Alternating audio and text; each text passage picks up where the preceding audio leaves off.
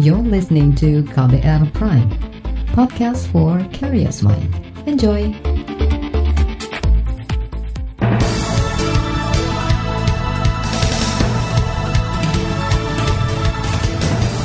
Halo, selamat pagi saudara. Senang sekali saya Reski Mesanto hadir kembali pagi hari ini di hari Kamis tanggal 1 Oktober 2020 di program Buletin Pagi yang dipersembahkan oleh kantor Berita Radio. Pagi hari ini, tim redaksi KBR telah menyiapkan informasi untuk Anda. Di antaranya, klaim pembiayaan rumah sakit yang tangani COVID-19 belum cair. Penundaan pilkada masih mungkin dilakukan dan KPK sebut tiga provinsi dengan kasus korupsi terbanyak. Dan saudara inilah Buletin Pagi selengkapnya. Terbaru di Buletin Pagi. Saudara, Perhimpunan Rumah Sakit Seluruh Indonesia atau Persi mengeluhkan keterlambatan pencairan klaim pembiayaan penanganan pasien COVID-19.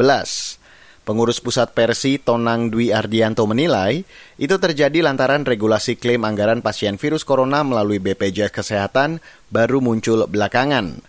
Oleh karena itu, ribuan rumah sakit se-Indonesia yang ikut menangani pasien terinfeksi virus corona membutuhkan waktu dalam menyusun kelengkapan dokumen yang persyaratannya sangat rinci. Dan ini memang sebetulnya menjadi menjadikan kita agak gelisah karena ada kata-kata bahwa anggaran e, penanganan COVID untuk bidang kesehatan kan sempat dikabarkan akan dikurangi ya. Kemudian, kemudian dijelaskan bukan dikurangi tetapi penyerapannya sebenarnya tidak mencapai yang dianggarkan. Nah, kami khawatir itu salah satunya adalah karena memang beberapa klaim itu belum cair sehingga seolah-olah dana penanganan COVID untuk bidang kesehatan kok sepertinya menjadi tidak uh, menjadi sisa, artinya tidak terserap semua. Pengurus Pusat Persi Tonang Dwi Ardianto menambahkan ribuan rumah sakit jelas terdampak terutama dari sisi arus kas keuangan akibat terkendalanya pencairan klaim anggaran. Apalagi ada komitmen dari pihak rumah sakit untuk tidak akan memungut biaya pelayanan kesehatan terhadap pasien COVID-19. Tonang meminta pemerintah menyederhanakan persyaratan pencairan dan verifikasi klaim anggaran oleh BPJS Kesehatan karena saat ini sedang dalam kondisi darurat kesehatan.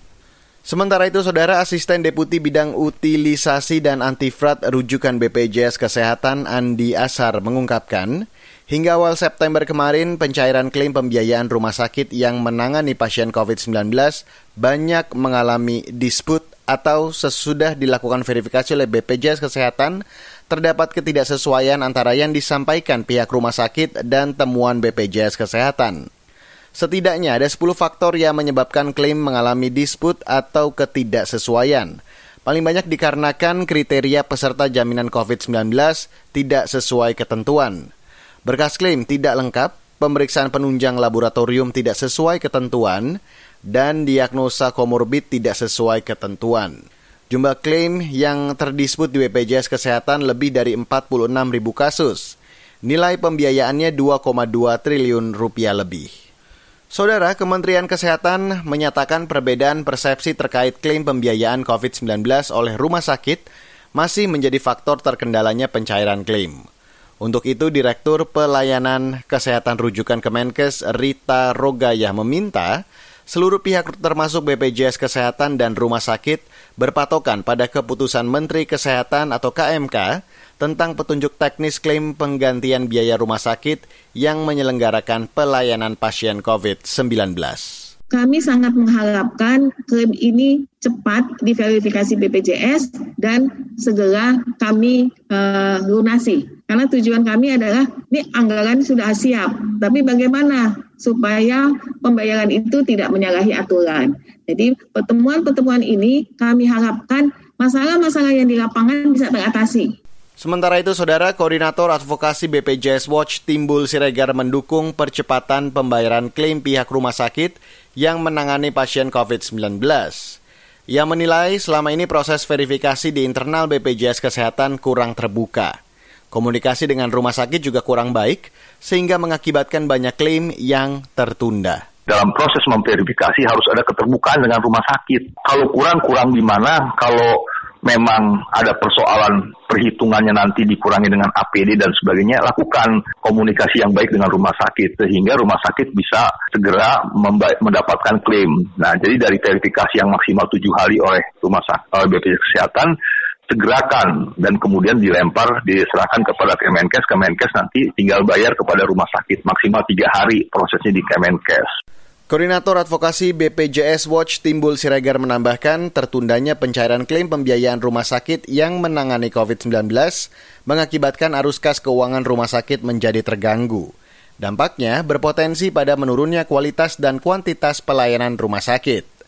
Redaksi KBR sudah coba menghubungi juru bicara BPJS Kesehatan Iqbal Anas Maruf, tapi hingga berita ini diturunkan, Iqbal belum merespon.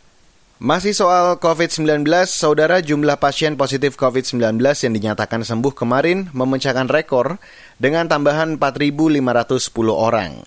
Dengan demikian, total keseluruhan pasien sembuh menjadi lebih dari 214.000 orang. Di sisi lain, kasus positif COVID-19 bertambah 4.200-an orang pada Rabu kemarin.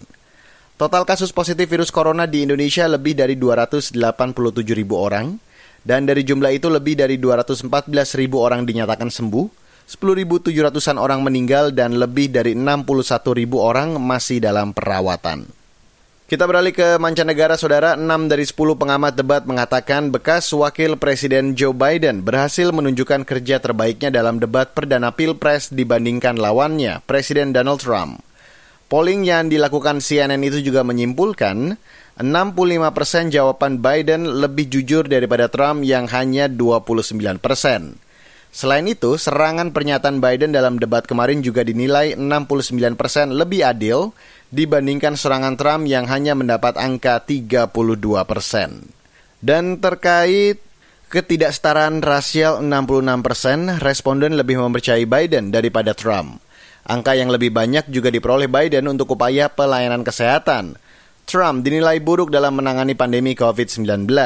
Ia hanya mendapat angka 34 persen, sementara Biden unggul dengan 64 persen. Trump juga kalah sedikit angka dari Biden terkait pemulihan ekonomi. Saudara, Ketua MPR menyatakan penundaan pilkada masih mungkin dilakukan. Informasi selengkapnya usai jeda, tetaplah bersama kami di Buletin Pagi KBR. You're listening to KBR Pride, podcast for curious mind. Enjoy!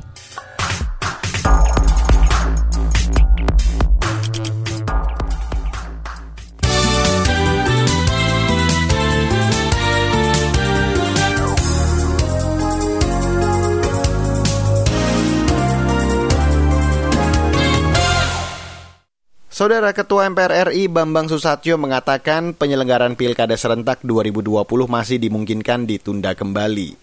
Pilkada diputuskan digelar pada 9 Desember setelah ditunda dari 23 September. Menurutnya masih terbuka peluang bagi DPR, pemerintah dan KPU untuk kembali menunda ulang pilkada jika kondisi pandemi COVID-19 belum berakhir. Penundaan kembali pilkada itu diatur dalam Undang-Undang tentang penetapan Perpu tentang Pilkada 2020 di masa pandemi COVID-19 merujuk pada ketentuan pasal 201A ayat 3 apabila pemungutan suara serentak tersebut tidak dapat dilaksanakan karena bencana nasional pandemi COVID-19 itu belum berakhir maka pemungutan suara serentak pada bulan Desember 2020 dapat ditunda dan dijadwalkan kembali. Yang kemudian menjadi persoalan adalah hingga saat ini belum ada satu pihak pun yang dapat memastikan kapan pandemi COVID-19 ini akan berakhir. Ketua MPR RI Bambang Susatyo menambahkan saat ini juga belum ada rujukan yang tegas bahwa pada Desember nanti kasus COVID-19 di Indonesia akan mereda. Kondisi ini berpotensi menurunkan partisipasi pemilih dan menurunkan kualitas pilkada. Bambang meminta KPU aktif memantau perkembangan kasus COVID-19 di semua daerah sebagai bahan pertimbangan penyelenggaraan pilkada. Saudara, survei yang dilakukan lembaga riset SMRC menyimpulkan 14 persen masyarakat percaya isu kebangkitan Partai Komunis Indonesia atau PKI. Sebaliknya, menurut Direktur Eksekutif SMRC Sirojudin Abbas, 22 persen masyarakat tidak mempercayai itu. Nah, 46 persen juga uh, percaya isu kebangkitan PKI ini dihembuskan oleh pihak tertentu untuk kepentingan tertentu dan sebetulnya tidak nyata. Hanya 22 persen yang percaya bahwa kebangkitan PKI itu nyata adanya. Selanjutnya kita juga menemukan bahwa 47 persen warga percaya bahwa hubungan dengan RRC atau dengan Tiongkok tidak ada kaitannya dengan kebangkitan komunis, melainkan untuk kepentingan ekonomi bersama. Direktur Eksekutif SMRC Sirojudin Abbas menyatakan survei dilakukan lantaran isu soal PKI selalu jadi pembahasan, terutama saban akhir September. Survei SMRC dilakukan terhadap 1.200-an responden usia 17 tahun ke atas pada 23 sampai 26 September. Saudara terdakwa Jaksa Pinangki Sirna Malasari menegaskan bekas Ketua Mahkamah Agung Hatta Ali dan Jaksa Agung Sanitiar Burhanuddin tidak ada kaitannya dengan kasus pengurusan perkara di MA melalui Kejagung. Kuasa hukum Pinangki Jeffrey Moses menyatakan Pinangki tidak memiliki hubungan dengan dua nama tersebut. Menurut Jeffrey, terdakwa hanya mengetahui Hatta Ali sebagai bekas Ketua MA dan Sanitiar Burhanuddin sebagai atasannya atau Jaksa Agung. Dalam kesempatan ini terdakwa menegaskan, satu, perihal nama Bapak Hatta Ali, mantan Ketua Mahkamah Agung dan Bapak Burhanuddin Jaksa Agung RI yang ikut dikait-kaitkan namanya belakangan ini dalam permasalahan hukum terdakwa. Sama sekali tidak ada hubungannya dan terdakwa tidak pernah menyebut nama beliau dalam proses penyidikan dan penuntutan perkara terdakwa. Sebelumnya, Jaksa Agung Muda Tindak Pidana Khusus Ali Mukartono mengakui dalam surat dakwaan Pinangki ada nama Jaksa Agung Sanitiar Burhanuddin dan bekas Ketua MA Hatta Ali yang disebut pada rencana aksi Jaksa Pinangki Sirna Malasari. Meski begitu, Ali menyampaikan bahwa kesepakatan itu dibatalkan Joko Chandra sehingga rencana aksi itu tidak jadi dijalankan Pinangki. Beralih ke berita ekonomi, saudara, realisasi penyerapan anggaran penanganan COVID-19 hingga kini sudah mencapai 304 triliun rupiah lebih. Wakil Menteri BUMN sekaligus Ketua Satgas Pemulihan Ekonomi Nasional Budi Gunadi Sadikin mengatakan, sejak awal bulan kemarin pencairan anggaran terbilang cukup cepat dibandingkan sebelumnya. Di bawah koordinasi Kementerian Koordinator Perekonomian yang benar-benar telah membantu sehingga sampai akhir September dan akhir kuartal ketiga ini pencairan kita sudah semakin cepat. Perlu saya sampaikan di sini bahwa sampai akhir September kita sudah berhasil mencairkan sekitar 304,6 triliun dari total anggaran sebesar 695,2 triliun atau 43,8 persen. Budi Gunadi Sadikin menambahkan sejak Satgas Pemulihan Ekonomi Nasional dibentuk Juli lalu, Anggaran yang disalurkan sudah melebihi 255 triliun rupiah. Penyaluran anggaran itu melingkupi berbagai program perlindungan sosial hingga bantuan untuk UMKM. Kita beralih ke berita olahraga, saudara Lionel Messi menyerukan diakhirinya segala pertentangan di Barcelona. Ia juga mendesak agar kekompakan klub kembali dipercepat. Dalam wawancara dengan koran Barcelona Sport kemarin, Messi menyebut masa depan klub yang semakin baik akan segera tiba. Selain itu, bintang asal Argentina itu juga meminta maaf dan menyatakan ikut bertanggung jawab karena Barcelona musim lalu tidak memperoleh trofi apa pun. Pekan lalu, Messi mengkritik keras manajemen klub Barcelona karena menjual Luis Suarez. Messi juga sempat membuat sensasi di akhir musim dengan menyatakan ingin segera pergi dari klub asal Katalan itu. Saudara, laporan khas KBR bertajuk Menanti Terobosan Atasi Kelangkaan Pupuk Subsidi akan kami hadirkan usai jeda. Tetaplah bersama kami di Buletin Pagi KBR. You're listening to KBR Pride, podcast for curious mind. Enjoy!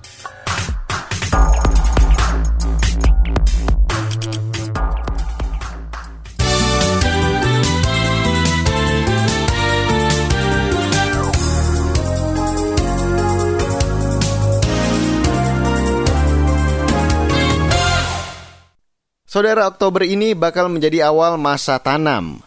Petani masih dihantui kekhawatiran sulitnya mendapatkan pupuk subsidi. Persoalan ini selalu berulang tiap tahun meski pemerintah selalu mengklaim stok aman. Terobosan melalui program Kartu Tani juga tak berjalan optimal. Simak laporan tim KBR yang akan dibacakan Astri Yuwanasari. Menjelang masa tanam, Kohar sudah cemas dengan nasib panen tahun depan. Lagi-lagi persoalan pupuk bersubsidi yang sulit didapat. Hal itu dialaminya dan petani lain di Tuban, Jawa Timur selama tiga bulan terakhir. Ia terpaksa membeli pupuk non-subsidi dengan harga lebih mahal di pasaran. Alhasil, panen kemarin tak memberinya cukup untung karena biaya membengkak. Tiga bulan yang lalu sangat langka di sini, susah sekali. Apalagi cari yang pupuk-pupuk yang subsidi itu, gitu. sangat susah. Hanya beberapa berapa apa petani yang dapat pupuk subsidi itu. Di rata-rata kalau kemarin itu harga pupuk yang bersubsidi itu 130, di pasaran itu bisa 170, ada 180, bahkan sampai 200. Karena petani butuh pupuk ya mau nggak mau ya tetap dibeli. Kohar juga belum memegang kartu tani. Menurutnya hanya segelintir petani saja yang mendapat kartu itu di kampungnya. Padahal kartu tani menjadi syarat utama untuk bisa membeli pupuk bersubsidi sejak diluncurkan awal 2020.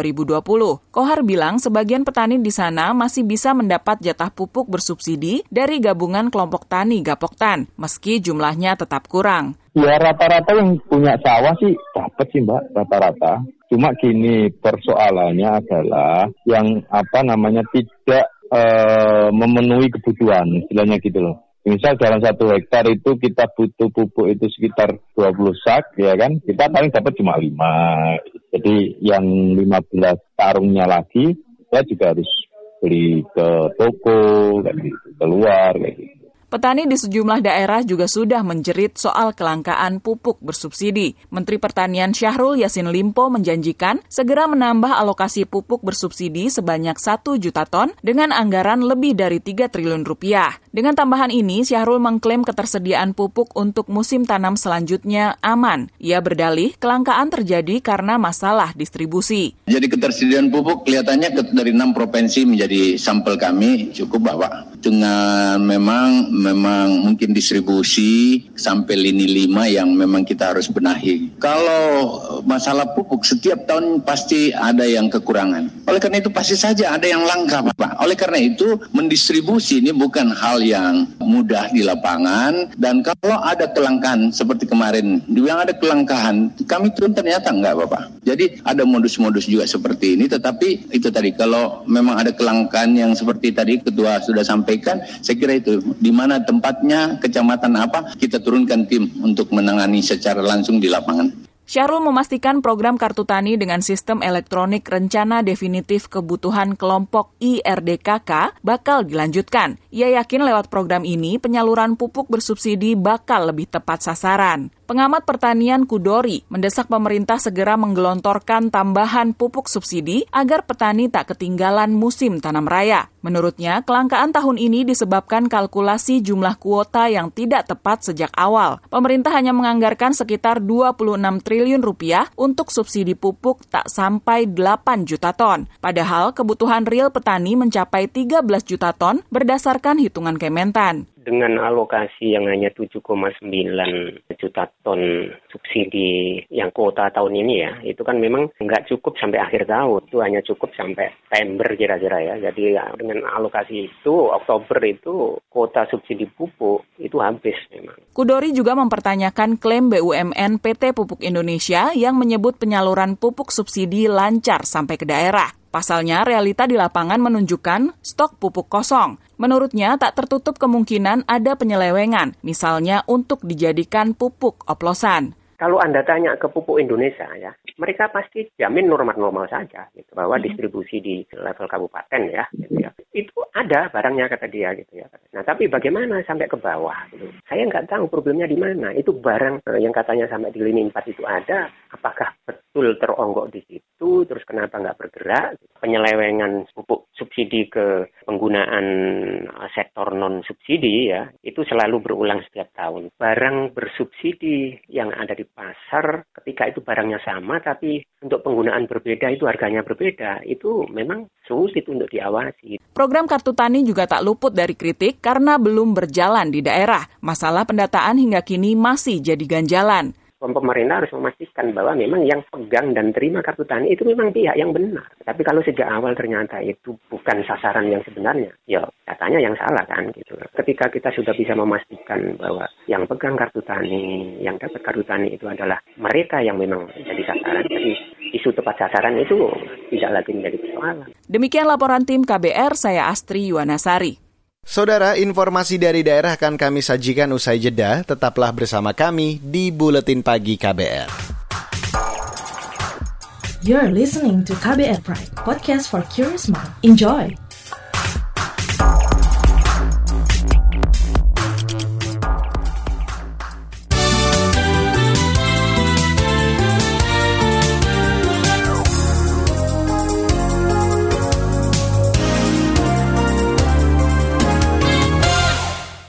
Saudara, Komisi Pemberantasan Korupsi atau KPK mencatat terjadi kasus korupsi di 27 dari 34 provinsi sejak 2004 hingga 2020. Direktur Pendidikan dan Pelayanan Masyarakat KPK, Giri Suprabdiono menuturkan, tiga provinsi dengan kasus korupsi tertinggi yaitu Jawa Barat dengan 101 kasus, Jawa Timur 93 kasus, dan Sumatera Utara 73 kasus.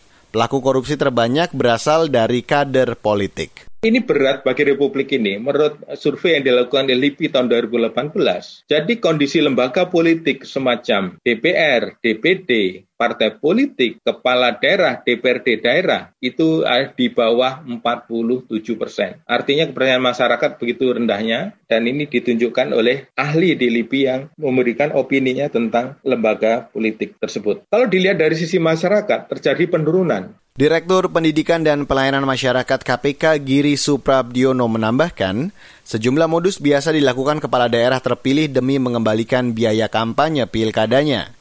Modus itu misalnya jual beli jabatan, transaksi perizinan, korupsi pengadaan barang dan jasa, serta korupsi anggaran. Saudara anggota Komisi Hukum di DPR Supriyansa memprotes cara polisi membubarkan aksi unjuk rasa mahasiswa di Kendari, Sulawesi Tenggara akhir pekan lalu. Ketika itu helikopter milik Polda setempat terbang sangat rendah untuk membubarkan mahasiswa yang memperingati satu tahun tewasnya dua mahasiswa Universitas Halu Uleo, Randi dan Yusuf. Supriyansa menilai cara polisi seperti itu sangat tidak humanis. Untung baik saja kalau helikopter tidak jatuh. Coba bayangkan kalau jatuh di situ Pak Kapolri, pola penanganan kita ini ini adalah hal model baru yang saya saksikan. Saya aktivis mahasiswa Pak. Selama saya di kampus saya menjadi ketua umum senat mahasiswa, saya tidak pernah mengalami yang namanya dibubarkan dengan cara oh, helikopter terbang rendah. Saya kira prosedur ini juga Pak Kapolri harus menganalisa secara baik apa motif di balik itu Sementara itu, Saudara Kapolri Damazis memastikan pembubaran aksi mahasiswa di Kendari dengan menggunakan helikopter tidak sesuai dengan standar operasional dan prosedur. Idam sudah memerintahkan Propam untuk memeriksa dan menindak tegas pilot yang menerbangkan helikopter tersebut. Dan saudara informasi tadi menutup jumpa kita pagi hari ini di Buletin Pagi 1 Oktober 2020.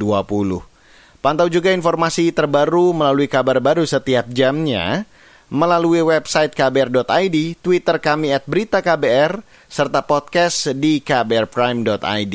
Akhirnya saya, Reski Mesanto, mewakili tim redaksi yang bertugas pagi hari ini, kami undur diri. Salam.